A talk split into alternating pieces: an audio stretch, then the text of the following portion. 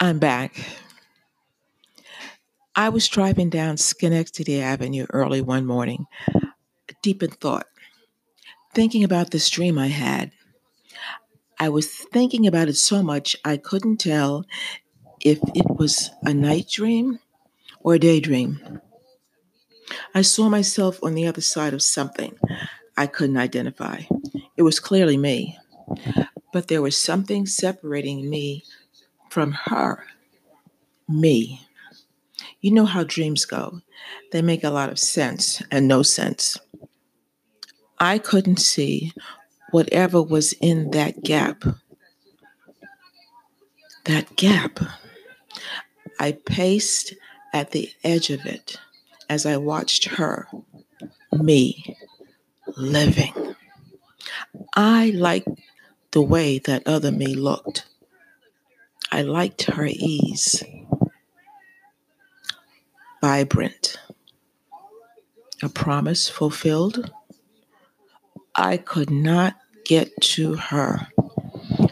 I paced at the edge of whatever it was that separated us. And then, can somebody help me get across? Can somebody help me get across? I thought I was talking out loud, but the voice was coming through the opening in my car window. Again, can somebody help me get across? I turned to see a woman standing on the corner of Schenectady Avenue and Eastern Parkway, right on the edge. She was tapping the ground in front of her with a white red tip cane. She was blind. She didn't have on dark glasses. Her head was tilted, listening, and her eyes were looking upward. No one was close by. It was one of those weird times in Brooklyn where there were more drivers out than people on the street. Can somebody help me get across? I was the first car stopped at the red light.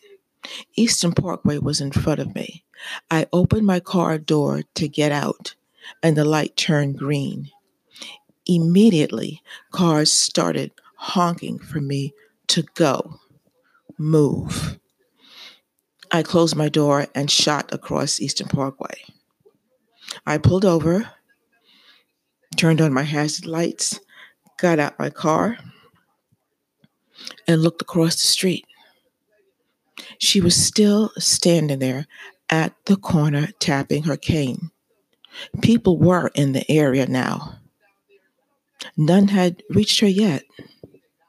Can somebody help me cross? I hurried back, crossing Eastern Parkway